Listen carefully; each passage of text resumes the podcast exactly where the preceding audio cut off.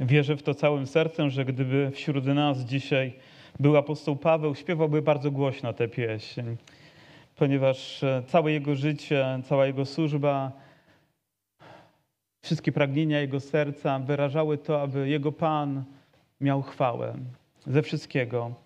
I dlatego też list do Rzymian jest nam tak bliski, ponieważ nie tylko objawia nam on wielką prawdę o Bogu, o Jego łasce, Jego usprawiedliwieniu, o tym, co uzyskaliśmy w Chrystusie, o tym, kim On jest, ale myślę, że i, i ten list jest czymś, co wydobywa się z serca tego człowieka, o czym zapewnia nas chociażby rozdział 10, gdy, gdy pisze takie słowa, mówiąc bracia, bracia. Jakby nie chodziło tylko o teologię, ale taki bezpośredni zwrot do naszych serc. Nie tylko jakąś prawdę, która gdzieś jest w eterze, ale coś osobistego, zaadresowanego wprost do naszego życia.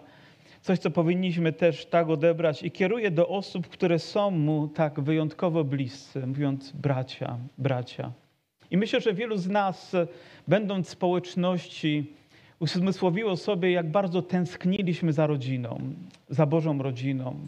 Za to, że właśnie tutaj odkrywamy też i bliskie osoby, może nie wszystkich, nie sposób żyć na tym samym poziomie relacji z kilkudziesięcioma czy, czy dwustoma osobami, ale na pewno mamy wokoło siebie więcej ludzi, do których możemy powiedzieć bracie, nawet jeżeli nie są więzami krwi z nami powiązanych, to to słowo ma głębsze znaczenie niż czasami te, które rzeczywiście opierają się na więzach krwi. Prawda, że tak? Bracia, Boża rodzino. I w ten sposób kieruję te słowa, mówiąc: Pragnienie serca mego i modlitwa zanoszona do Boga zmierzają ku zbawieniu Izraela. Słyszałem pewnego misjonarza, który był również i u nas, nazywa się Don Or. Pamiętacie go? pojechał do Iraku, żeby tam zwiastować ludziom Ewangelię, ale wcześniej miał dobrą pracę. Naprawdę nieźle zarabiał, był bardzo przedsiębiorczym człowiekiem i nawet chciano go politycznie gdzieś tam windować w górę, ponieważ miał do tego i serce, i możliwości. A mimo to on pewnego dnia, czytając te słowa, odczuł w sobie pragnienie, że Bóg chce od niego czegoś więcej że pragnienie jego serca jest głębsze niż to, co może zaoferować mu człowiek i świat. Dlatego postanowił, że porzuci wygodną posadę, to ciepłe życie i przeniesie się tam, gdzie ludzie go nie znają, tam, gdzie problemy są większe i przyjechał do naszego kraju wiele, wiele, wiele lat temu. Na początku był to dla niego tak trudny okres, ponieważ nawet jego serce z tego powodu zaczęło cierpieć i musiał mieć szczepiony rozrusznik, żeby mógł normalnie funkcjonować, ale mimo to nie zmienił swojego powołania. Wiecie dlaczego? Bo Bóg wzbudził w jego sercu pragnienie Pragnienie czegoś, co pochodzi od Niego, czegoś, co On tam umieszcza i chce, żeby człowiek to realizował dla Jego chwały. Myślę, jak wiele może być na skali pragnienia, od takiego, nie wiem, jedynkowego pragnienia do dziesiątkowego, czyli jeden to takie minimalne, a dziesięć to takie bardzo mocne pragnienie. I gdybyśmy mieli możliwość i miarę przyczepili do tego słowa i serca też apostoła Pawła, to myślę, że skala byłaby przynajmniej 100, a może nawet i więcej.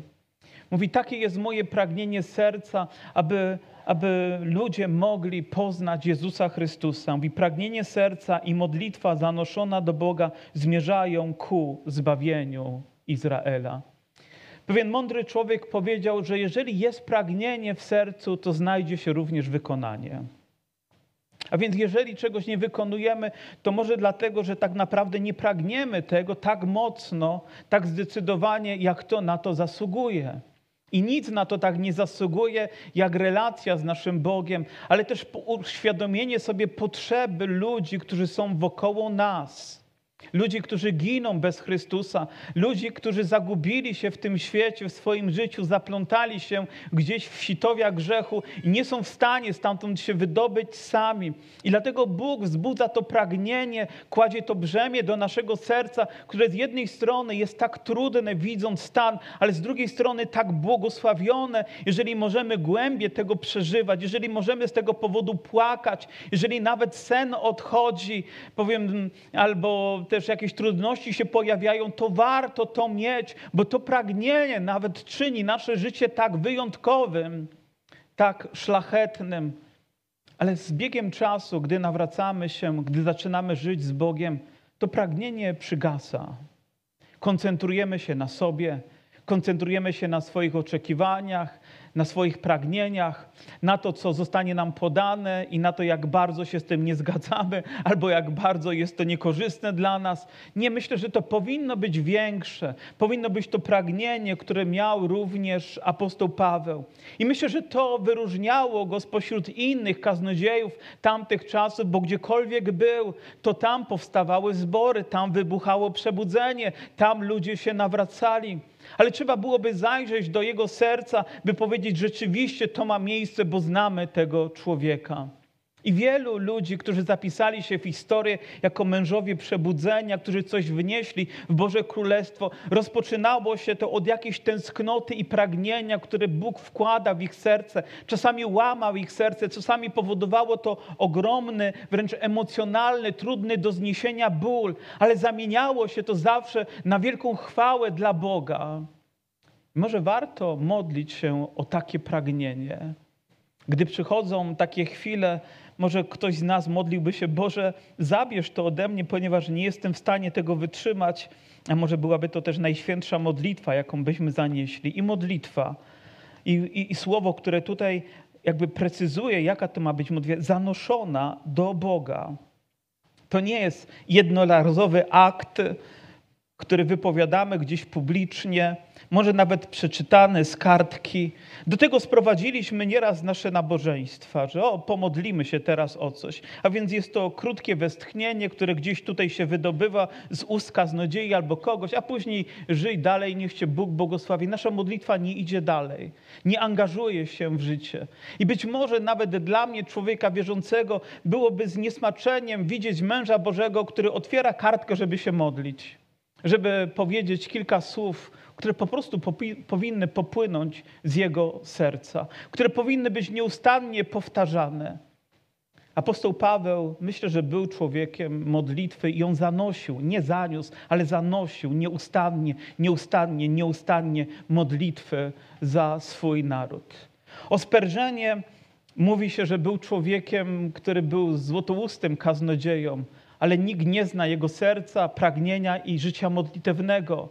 Finej, który był człowiekiem, który spowodował tak wielkie przebudzenie, że tam w miastach, gdzie kościoły były puste, a bary pełne, gdy przychodził, to bary, sta bary stawały się puste, a kościoły pełne. Ludzie zamykali swoje interesy, bo przyszedł człowiek, który miał pragnienie serca i modlitwę, którą nieustannie zanosił o to, aby ci ludzie dostępowali zbawienia. Nawet nim wychodził za kazalnicę, ludzie już klękali, już wyznawali swoje grzechy Niektórzy krzyczeli tak głośno, że trzeba było ich uciszać, ponieważ ból był tak ogromny. Ale to było powiązane z ich sercem, to było powiązane z ich modlitwą. O jednym Bożym mężu, którego Bóg posłał do Chin, mówi się o tym, że nigdy słońce w Chinach nie zeszło, nie zastawszy go na kolanach modlitwy. Myślę, że to wyróżnia ludzi, którzy coś znaczą w Bożym Królestwie, wnoszą coś w Boże Królestwo. Ich serce, ich postawa, ich nastawienie wiele o tym mówi. Modlitwa zanoszona Boga zmierzają ku zbawieniu Izraela. A przecież naród izraelski to naród wybrany. Naród, który uzurpował sobie to, że ma prawdę, że ma poznania Boga, że wierzy w jedynego Boga, jak żadne inne pogańskie państwo, żaden inny lud. A mimo to oni potrzebowali nawrócenia, bo nie sam fakt, że urodzili się według ciała Izraelitami, czynił ich ludzi wierzącymi, ale to, że potrzebowali poznać Chrystusa, potrzebowali poznać Jego zbawczą moc. I my urodziliśmy się w narodzie, gdzie chrześcijaństwo po prostu wysysa się z mlekiem matki, i tak nam się przynajmniej wydaje. Uczymy się go w szkołach, gdzie jesteśmy nafaszerowani, powiedzmy, jakąś poprawną czy mniej poprawną wiedzą na temat Boga, a mimo to tak mało znamy Boga, tak mało doświadczamy Boga, tak niewiele możemy wiedzieć o Jego łasce, o Jego mocy, dopóki osobiście tego nie doświadczymy. Dlatego ten naród potrzebuje przebudzenia. Wiecie, że patrząc na historię, która wydaje się ma ponad tysiąc lat, tak niewielkie tylko strzępy przebudzenia gdzieś widzimy na południu Polski, które zmieniały cały krajobraz, zmieniały ludzi, całe wioski, społeczności, ale nie sięgnęło to dalej? Czy nie jesteście ludźmi, którzy mają pragnienie, by poszło to dalej? Czyż Bóg nie powinien tego odnowić w naszych sercach i rzeczywiście spędzać sen z naszych powiek, albo niespodziewanie sprawiać, że kolana same nam się uginają, byśmy zaczęli wołać, widząc ludzi, którzy są zgubieni, którzy są bez Chrystusa, bo wiecie, gdzie człowiek idzie, nie poznawszy Boga. Wiecie, jaki jest jego koniec. On nie kończy się chwalebnie, on nie kończy się zwycięstwem, nie kończy się niczym, czym my powinniśmy się cieszyć. Powiem, powinno to wzbudzać tak głęboką refleksję i pragnienie, jakie miał również i Paweł. Bracia, pragnienie serca mego. Mówi, daje im bowiem świadectwo, że mają gorliwość dla Boga, ale gorliwość nierozsądną. Co z tego, że widzimy wiele różnych emocjonalnych wydarzeń, angażujących ludzi, jeżeli nie ma to właściwego kierunku, jeżeli to nie ma celu? My oczywiście wiemy o tym, widzimy to, jesteśmy świadkami takich wydarzeń.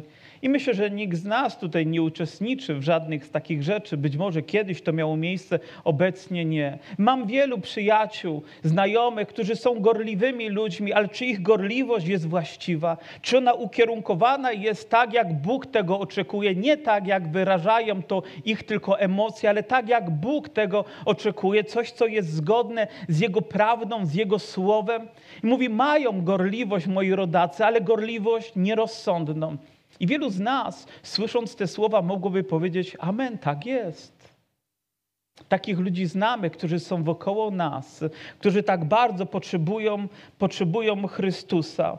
I myślę, że to słowo też o tej gorliwości uzmysłowiło mi, że my, jako ludzie wierzący, też powinniśmy uważać na naszą gorliwość, aby była nierozsądna, aby nie była niewłaściwa aby nie była ukierunkowana tam, gdzie nie prowadzi nas Boże Słowo. Ona musi zawsze być oparta na tym, co jest prawdziwe.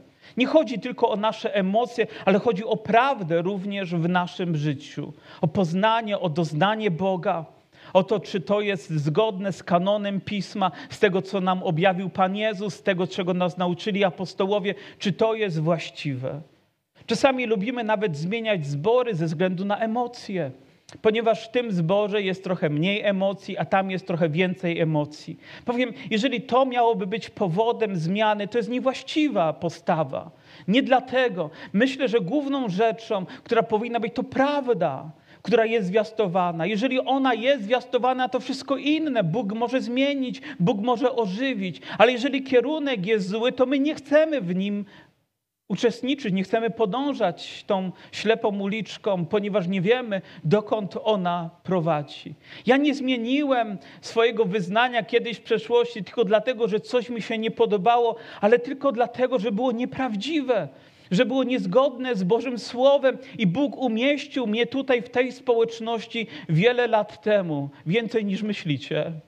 I myślicie, że na początku było wiele gorliwości, czy było wiele prawdy? Nie, nie było. Ale dlaczego zostałem? Ponieważ Bóg chciał, żeby tutaj coś powstało. Dał mi pragnienie serca, które mówiło o tym, żeby modlić się o ten zbór, modlić się o żywienie, modlić się o to, że to miejsce wypełni się kiedyś Bożymi ludźmi, wypełni się Jego chwałą. I widzę, że to się dzieje, ale mam jeszcze większe pragnienie. Nawet nie po to, żeby budować kolejną kaplicę ale po to, żeby widzieć więcej ludzi zbawionych. Ale jednego chcę być pewny, że podążam zgodnie z prawdą. Że to jest mój kierunek, że to jest mój ster ustawiony we właściwą stronę, zgodny z Bożym Słowem, a nie znając usprawiedliwienia, które pochodzi od Boga, własne usiłują ustanowić. Własne. Nie to, które Bóg postanowił, ale to, które im jest miłe, które jest wygodne, powiem, ustanowili jako prawdę dla swojego duchowego życia, choć tak naprawdę, nawet jeżeli w to jest złożone wiele gorliwości, jest kłamstwem. Oto człowiek, gdy zgubi prawdę, zatrzyma się na kłamstwie, uzna to za właściwe, a później podąża w tym kierunku wraz z innymi ludźmi. Aż przychodzi o Boże objawienie do naszego serca i musimy w tym momencie coś zrobić. Musimy podjąć bardzo trudną, czasami radykalną decyzję w naszym życiu. I abyśmy mieli odwagę to zrobić. Ludzie próbują ustanowić zbawienie dla samych siebie. Próbują ustanowić pewne standardy duchowe dla samych siebie. One nigdy nie mogą wynikać z człowieka, one muszą wynikać z Bożego Słowa.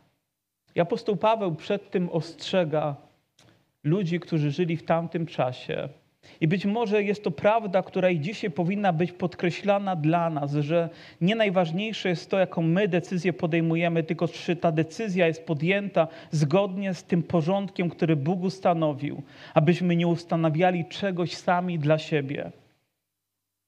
I w ten sposób, nawet mając wiele gorliwości, mając wiele zapału, nie doznawali mocy i chwały Boga w naszym życiu.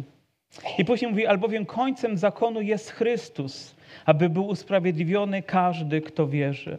Z jednej strony Jezus jest końcem zakonu, a z drugiej strony jest początkiem nowego życia. Jakby wszystko prowadzi do Chrystusa i wszystko od Niego się rozpoczyna.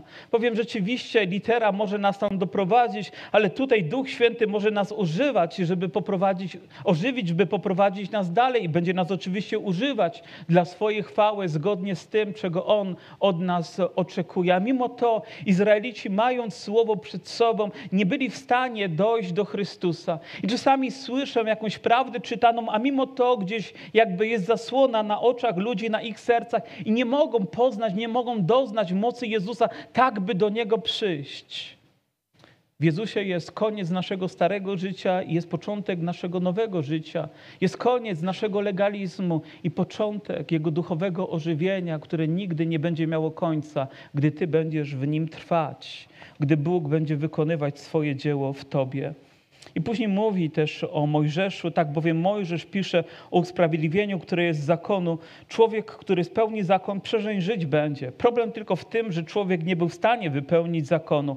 A usprawiedliwienie, które jest z wiary, tak mówi, nie mów w sercu swym, kto wstąpi do nieba, to znaczy, aby Chrystusa sprowadzić na dół. Albo kto wstąpi do otchłani, to znaczy, aby Chrystusa wywieźć z martwych w górę. Wiecie, jakby stereotyp myślenia człowieka, że Bóg jest gdzieś tam albo gdzieś tam, ale zawsze daleko, zawsze nieobecny. Ale Biblia mówi: nie mów tak, ponieważ nie jest to prawdą. I my czasami modlimy się, Panie, przyjdź, bo jesteś gdzieś daleko. Ale Bóg nie mówi o tym, że jest daleko, mówi o tym, że jest blisko.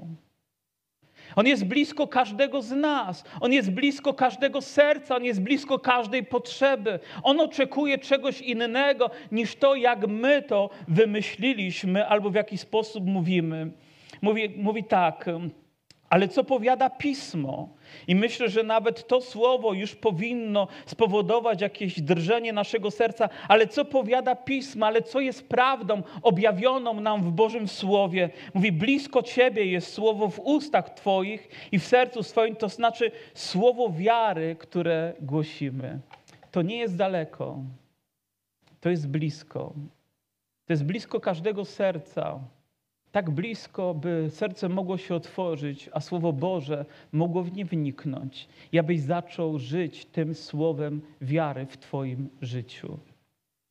Być może problem jest w tym, że słyszymy to słowo, ale nie przyjmujemy tego słowa. Wyobraźmy sobie, że na tym miejscu jest stu ludzi i wszyscy słyszą te samo poselstwo. I wszyscy mówią: O dobrze, o poprawnie, o właściwie, o fajnie, tak a tylko jedna osoba wychodzi i zaczyna czynić to słowo. Kto tak naprawdę przyjął słowo wiary? Kto tak naprawdę żyje tym słowem? Jesteście przekonani, tak jak i ja, że tylko ta jedna osoba która miała odwagę zastosować to słowo, która miała być może odwagę wyznać też to słowo w swoim sercu. I rzeczywiście od tego się rozpoczyna również i ten duchowy proces przełomu w naszym życiu, aby wyznać i zrobić to świadomie, zrobić to celowo i nawet zrobić to werbalnie, głośno, że Jezus Chrystus jest naszym Panem, że On jest naszym Zbawicielem, że On jest Bogiem naszego życia. Ja chcę to usłyszeć od ludzi, ponieważ chcę wiedzieć, że to również jest prawdą w ich życiu. Oni mogli to powiedzieć oczywiście tylko werbalnie, ale mam nadzieję, że oni to odczuli w swoim sercu, że to było wyrażone z pragnienia ich życia, że Jezus Chrystus jest tym, który jest prawdą, który jest słowem i życiem w nich. Słowo wiary, które głosimy. I być może wielu z Was tutaj mm, pomyśli nieco inaczej niż ja, ale nie chodzi tylko o to, że będziemy coś wyznawać że będzie mówił, o Boże, tak, jeżeli ja to powiem, to stanie się prawdą. Ty musisz wierzyć w to całym sercem i wyznając to, żeby mogło to mieć prawdę w Twoim życiu, by mogło mieć zastosowanie w życiu Kościoła a nie tylko jakieś świadome, celowe powtarzanie jakichś słów, które nie mają odzwierciedlenia w Tobie. Cóż z tego, że złożysz poprawne wyznanie, jeżeli nie będzie tego w Twoim sercu? Tutaj rozpoczyna się najgłębszy proces naszej przemiany. Nie chodzi tylko o powierzchowność, ale o głębie naszego życia, o nasze doświadczenie, o naszą relację z Bogiem. Nie chodzi tylko o poprawność doktryny, ale głębie przeżywania tej doktryny w naszym życiu, czynienia ją fundamentem, na którym budujemy cały całe nasze życie. Dlatego to słowo wiary jest tak ważne. Nie jest tylko powiązane z naszymi emocjami, ale prawdą i zastosowaniem w naszym życiu. Bo jeśli ustami swoimi wyznasz, że Jezus jest Panem i uwierzysz w sercu swoim, że Bóg zbudził go z martwych, zbawiony będziesz. Któż z nas nie słyszał tego słowa na ewangelizacji, nie jednej, nie drugiej? Mówi, to słowo jest tak blisko. Wiecie, że ono jest tak blisko, że nikt z nas nie musi bez niego wychodzić z tego miejsca. Mówi, bo jeśli sercem, teraz, czym się wierzy? Sercem? Sercem? Że to nie jest tylko nasz intelekt, nasza wiedza, ale to jest nasze wnętrze. To jest ta najbardziej intymna, głęboka emocjonalna wręcz część naszego życia, która musi być poruszona i dotknięta Bożym Słowem, że sercem mamy wierzyć? Czyż nie o to właśnie Bogu chodzi? Bo wszystko inne jest trochę jak deszcz, który spłynie po nas, ale Bóg chce, żebyśmy nasiąknęli tym słowem, że ono, żeby ono pracowało w nas. Bo świat będzie próbował szybko wysuszyć to na zewnątrz, ale jeżeli ty nasiąkniesz Bożym Słowem, to nic nie spowoduje, żeby twoje serce zostało wyjałowione. Sercem mamy wierzyć. W głębokości naszego serca mamy być poruszeni. Serca naszego mają płynąć modlitwy. Serca naszego ma wydobywać się chwała. Serca powstają motywacje do przemiany, prawdziwej przemiany naszego, naszego życia. Mówi, bo sercem wierzy się ku usprawiedliwieniu, a ustami wyznaje się ku zbawieniu. Będziesz zbawiony. Kiedyś słyszałem pewnego ewangelistę Luisa Palau, który opowiadał, że był nastolatkiem. Wychowywał się w chrześcijańskiej rodzinie, jego ojciec był biznesmenem, dobrze zarabiającym człowiekiem. Nawrócił się na zwykłym popołudniowym nabożeństwie w jakimś kościele w Argentynie ewangelicznym, ale od tego dnia jego życie się zmieniło. Cały dom, jego mama się nawróciła, wszyscy oddali swoje życie Chrystusowi. W zasadzie zaskoczeniem dla niego był jego ojciec, po prostu wyznał Jezusa, zaczął się modlić podczas nabożeństwa, że Jezus jest Panem jego życia. Wiecie, jakim zaskoczeniem było dla mnie, gdy pewnego dnia mój ojciec, który bardzo był zbuntowany przeciwko temu, że ja zmieniam Kościół, usłyszałem jego modlitwę, na zwykłym nabożeństwie, raz w życiu usłyszałem tylko głośną modlitwę i nigdy jej nie zapomnę. Nigdy. Była tak ważna. I on wychowywał się, ale to, że wychowywał się, to nie znaczy, że jego życie było zmienione. Pojechał na chrześcijański obóz i tam miał takiego nawiedzonego opiekuna, takiego duszpasterza, który co wieczór brał sobie jednego chłopaka na taką spowiedź na zewnątrz. Mówi, i wiedział, że przyszedł czas dla niego, no bo pewnie po kolei brał tam z łóżek ludzi tych młodych, mówi, chwyciłem się tak mocno pod spodem, żeby mnie nie wyrwał, ale wyrwał. Mówi, Luis, idziemy na zewnątrz. Poszli na zewnątrz.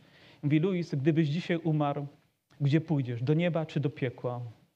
Luis tak patrzy na niego, mówi, no wiem, no do piekła idę. Mówi, chcesz iść do piekła? No mówi, no nie chcę iść do piekła. To co masz zrobić? No Mówi, pewnie muszę się nawrócić. A co musisz zrobić, żeby się nawrócić?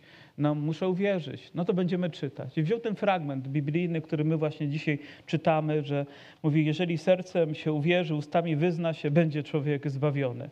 A więc co to słowo mówi, że mam uwierzyć w sercu? Wierzysz w sercu? Mówi, że Jezus jest Panem? No i no wierzę. Wie co ma zrobić? No wyznać. Mówi, modlimy się. I ten młody człowiek wtedy mówi, deszcz zaczął padać. Mówi, o nareszcie się skończy. Mówi, żeby, żeby zakończyć spotkanie, pomodlił się. Mówi, Panie Jezu, i powiedział, proszę, żebyś mnie zbawił, żebyś oczyścił moje serce i że jesteś od tej pory padem mojego życia. Taka poprawna modlitwa. Czy wiecie, że ta jedna modlitwa wywróciła jego życie, tego młodego człowieka, do góry nogami? Całe jego życie się zmieniło. Wrócił do szkoły. To prawda, popadł jeszcze w tarapaty, ale świadomość Boga już nigdy go nie odstąpiła. Nigdy.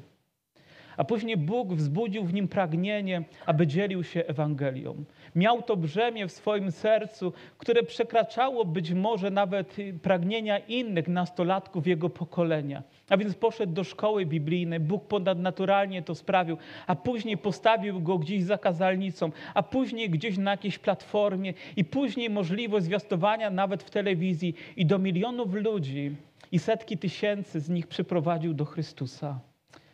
Jak Bóg jest niezwykły, gdy to ziarno wiary, gdy wpadnie do naszego serca, zacznie przynosić owoc, zacznie przynosić przemianę. A więc powie, a to tylko taka modlitwa. Nie, to ważna modlitwa, która na podstawie Twojego serca, swoimi ustami wyznajesz. No to może wyznajesz, że tak. Niedawno telefon odebrałem i mówię, tak słucham. A moja żona mówi, nigdy tak nie rozpoczynaj e, rozmowy przez telefon. Ja mówię, dlaczego? Bo ktoś już nagra twoje tak i to jest tak na kredyt, który chcą ci dać. Albo na zobowiązanie, jakie, które chcą ci dać. Więc już nie mówię tak słucham, tylko mówię Jarek Ściwiarski. Jak Jarek ich nie przestraszy, to dalej możemy po, po, porozmawiać. Nie każdemu chcemy powiedzieć tak. Jak widać, to co mówimy może mieć ogromne znaczenie. I również znaczenie ma wtedy, kiedy wyznajemy i kiedy tym żyjemy kiedy pozwalamy, aby to słowo wnikało w nasze serce i gwarantuję Ci, że to słowo wiary zacznie przynosić owoc w Twoim życiu. Na początku jest bardzo trudno, walczymy z wieloma przeciwnościami, ale większy jest ten, który jest w Twoim życiu, niż ten, który jest tego świata. Jeżeli będziesz kroczyć za nim, jeżeli będziesz wytrwały w swoim wierze, jeżeli nie będziesz poddawał się przeciwnościom, a nawet gdy się potkniesz o kamień, to powstaniesz, by pójść dalej, to wierzę też, że to słowo zacznie przynosić chwalebny plon w Twoim życiu. I nie będzie zaklinaniem rzeczywistości, ale będzie, będzie czymś autentycznym, czymś prawdziwym. Kiedyś na ewangelizację Billy Grahama przybiegł jakiś pijak i oczywiście tam nie podobało mu się to, co mówił Billy Graham, ale mówi na końcu, ale gdyby to, co mówisz, było choć cieniem prawdy, to ja dzisiaj się na to decyduję. I pomodlił się krótką modlitwą. Wrócił za tydzień i powiedział: Nie wiem, jak to jest, ale wróciłem do domu, próbowałem wypić kieliszek i od razu wzięło mnie obrzydzenie, i od tej pory nie piję. Czy to jedno słowo wiary, gdzieś, które wpadło do serca, zostało wyznane naszymi ustami, ma tak wielką moc zmiany w naszym życiu? Tak, gdy śpiewamy pieśni, które wyrażają Boże Słowo, czy mają znaczenie? Tak, oby oczywiście miało pełne potwierdzenie w nas, w naszym wnętrzu, w naszych tęsknotach, w naszych najgłębszych pragnieniach, ale tak, jest to prawdziwe, jest to żywe, jest to pełne mocy Słowo. Słowo wiary Biblia mówi, każdy, kto w Niego wierzy, nie będzie zawstydzony. Nie masz bowiem różnicy między Żydem a Grekiem, gdyż jeden jest Pan wszystkich bogatych dla wszystkich, których Go wzywają. Każdy bowiem, kto wzywa imienia Pańskiego, zbawiony będzie. Czy to nie piękne, że ta obietnica jest dla każdego, że ta obietnica jest dla Ciebie, moja młoda siostro i mój starszy bracie, że dla każdego, kto jest na tym miejscu, czy to może rozpocząć się dzisiaj? Czyż nie byłoby piękną rzeczą przeżyć ten rok w społeczności z Bogiem? Czy może być coś cudowniejszego niż każdy dzień z Nim?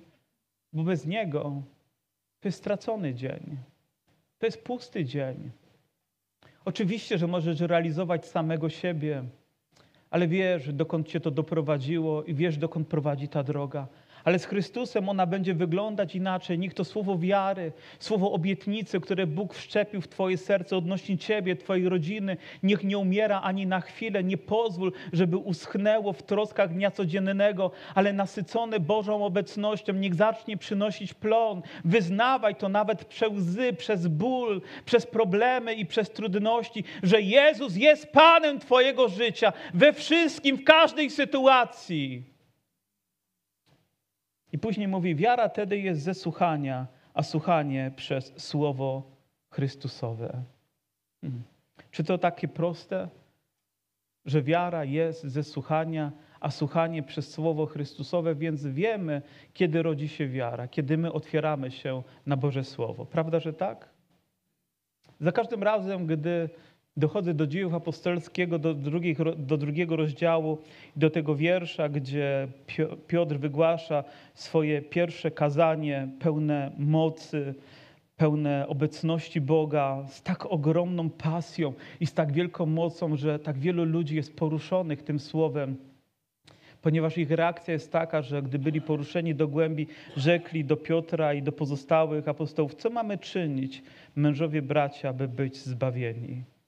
Ale co spowodowało to pytanie, to pragnienie w ich sercu? Czy nie zwiastowana Ewangelia? Wiecie, tam było więcej niż 3000 osób. Może było 30 tysięcy, może było 300 tysięcy. To była naprawdę duża pielgrzymka. To było wielkie święto, więc mnóstwo ludzi tam przychodziło, aby słuchać. Ale ci, którzy wtedy usłyszeli to słowo, którzy zostali dotknięci, ono zrodziło w nich pragnienie, a to pragnienie zamieniło się w pytanie, a Bóg przyszedł ze swoją odpowiedzią, aby zmienić całkowicie ich życie. Ale to Boże Słowo spowodowało wiarę, która zaowocowała całkowitą zmianą ich życia. A później cała historia dziejów apostolskich jest tego świadectwem. Czy dzisiaj chciałbyś, aby coś wyjątkowego rozpoczęło się w Twoim życiu? To niczego tak mocno się nie uchwyć jak Bożego Słowa. Niczego, nie mnie. Powiem, nie krzesła, na którym siedzisz, nie kazalnicy, z której zwiastuje pastor, nie internetu, który cię nasyca wieloma różnymi rzeczami, ale uchwyć się czystego, świętego Bożego Słowa, Słowa Chrystusowego. I gwarantuję ci, że każdego dnia Bóg będzie używał tego słowa, by kształtować, by błogosławić, by prowadzić Twoje życie zgodnie ze swoją wolą. Uczyni je wyjątkowym Uczyni je takim, jakim nawet nie marzyłeś, by było, ale uczyni to, ponieważ jest łaskawym i dobrym Bogiem. Te słowo wiary przyniesie owoc w Twoim życiu. Nawet gdy Bóg zdeponował to wiele dekad temu, to przychodzi czas, kiedy Bóg upomina się też o to słowo, aby ono zadziałało w nim. Myśląc też o tym wierszu, przypomniała mi się historia Naamana, który usłyszał dobrą nowinę w zasadzie od swojej żony, ale jej, jego żonie powiedziała to mała dziewczynka. Pamiętacie? Nawet nie wiemy, ile lat miała, ale małe dziecko. Czytaliśmy, że Bóg nawet z ust dzieci odbiera sobie chwałę. I ona powiedziała coś, i precedensu tego wcześniej nie było, bo nie czytamy o takim uzdrowieniu stronów, ale mówi, gdyby mój Pan pojechał do mojego kraju i spotkał tam proroka. Zobaczcie, że to dziecko wyrwane z domu, gdzie pewnie miał mamusię i tatusia, i gdzieś zabrany w niewolę, by służyć obcym ludziom, jednak nie traci tej szczerości serca, by wypowiedzieć tak dobre słowa w stosunku do człowieka, który był okupantem dla Izraela. I to spowodowało lawinę rzeczy. Poszedł do króla. Król napisał do króla Izraela, tamten rozdarł szaty, ale przysłali Namana z całymi wozami bogactwa. Wiecie dlaczego? Bo on myślał, że kupi sobie uzdrowienie. Jak przywiezie dostatecznie wiele złota, srebra, szat odpowiednich, to sobie kupi to. Co będzie prosił? O, Naman? I kiedy przyszedł do proroka, to miał nadzieję, że ten wyjdzie do niego, stanie przed nim, wzniesie głos, nad chorym miejscem wyciągnie rękę, że to będzie tak pobożnie, jak on tego oczekuje. I uzdrowi go. A co powiedział mu prorok? Idź i obmyj się siedem razy w Jordanie. Siedem razy. Nie raz, nie dwa, a siedem razy. I on się oburzył. Powiedział, nie, mówi, nie, ja mam lepsze rzeki u siebie. I rzeczywiście był gotowy obrócić się na pięcie i odejść, gdyby nie ludzie, którzy byli mu przyjaźni i zachęcili go, żeby to zrobił. I tak pomyślałem sobie, że tak właśnie powinno zadziałać słowo wiary, żeby zostało umieszczone, ale później wyraża się w posłuszeństwie, żeby mogło przynieść owoc. I skracając nieco tę historię, wiemy, że ostatecznie wszedł do rzeki i że siedem razy się zanurzył, a kiedy wynurzył się za siódmym razem, nie za czwartym, nie za piątym, nie za szóstym, ale za siódmym razem Jego ciało było oczyszczone. Siedem razy na oczach innych ludzi. Może to było jak upokorzenie dla niego, ale zanurzał się, zanurzał, zanurzał, bo nie tylko jego ciało wygląda na to, że potrzebowało uzdrowienia, ale jego serce, jego duch może był bardziej trendowaty niż jego ciało, które potrzebowało oczyszczenia, i tam zostało to wszystko utopione. I tak naszła mi taka myśl. Oczywiście to nie jest myśl, którą będę tutaj mm, preferował, ale gdybym ja otrzymał takie słowo od Pana, prorocze słowo, że każdy z nas powinien tutaj w baptysterii jeszcze siedem razy dać się ochrzcić. Każdy z nas, aby wyjść stąd całkowicie odnowionym. Kto jest chętny? Siedem razy. Siedem razy. Nam czasami tak trudno jeden raz to zrobić. Wiecie dlaczego? Bo w tym kryje się tak wielka tajemnica Bożej obecności i chwały, że diabeł robi wszystko, żeby nas przed tym powstrzymać. Wszystko. Całe piekło sprzysięgnie się przeciwko Tobie, byś nie okazał prostego posłuszeństwa. Zrodziło się coś w Twoim sercu. Twoje usta powinny to wyznać, a Twoje życie powinno o tym zaświadczyć. Tak działa słowo wiary, które głosimy, w które wierzymy i które praktykujemy w naszym życiu. Czy myślicie, że wkładam ręce na ludzi, ponieważ czuję się tak wyjątkową osobą, ale wierzę Bożemu Słowu, że Bóg chce, bym to czynił, modląc się o chorych. Chcę, bym to czynił, modląc się o ludzi niezbawionych, o ludzi potrzebujących. Bóg tego chce. Czasami całe moje wnętrze wręcz może jest nastawione inaczej.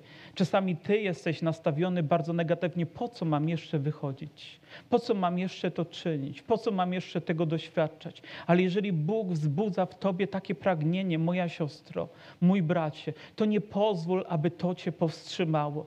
Słysząc te słowa w swoim sercu, daj wyraz tego w uwielbieniu i w chwale dla Boga, wyznając też, że jest to prawdą w Twoim życiu i zaświadcz o tym. Powstańmy. Może ktoś z Was, nie tylko kończąc ten rok, miał potrzebę głębokiej modlitwy w swoim życiu. Ale może dzisiaj Bóg dotknął Twojego serca i poprzez pieśń, którą śpiewaliśmy na początku, czy psalmy, czy usługę indywidualną, czy to, że nawet wieczerza była, a Ty nawet nie mogłeś sięgnąć po chleb z jakiegoś powodu i pić z kielicha pańskiego. A może masz inną potrzebę w swoim życiu. Jeżeli dzisiaj usłyszałeś o wolności i to wzbudziło nadzieję w Twoim sercu, to wyznaj, że Pan jest Twoją wolnością, a teraz pozwól, by się o Ciebie pomodlić i idź dalej prowadząc wolne i zwycięskie, nowe życie w Jezusie Chrystusie. Pochylmy nasze głowy.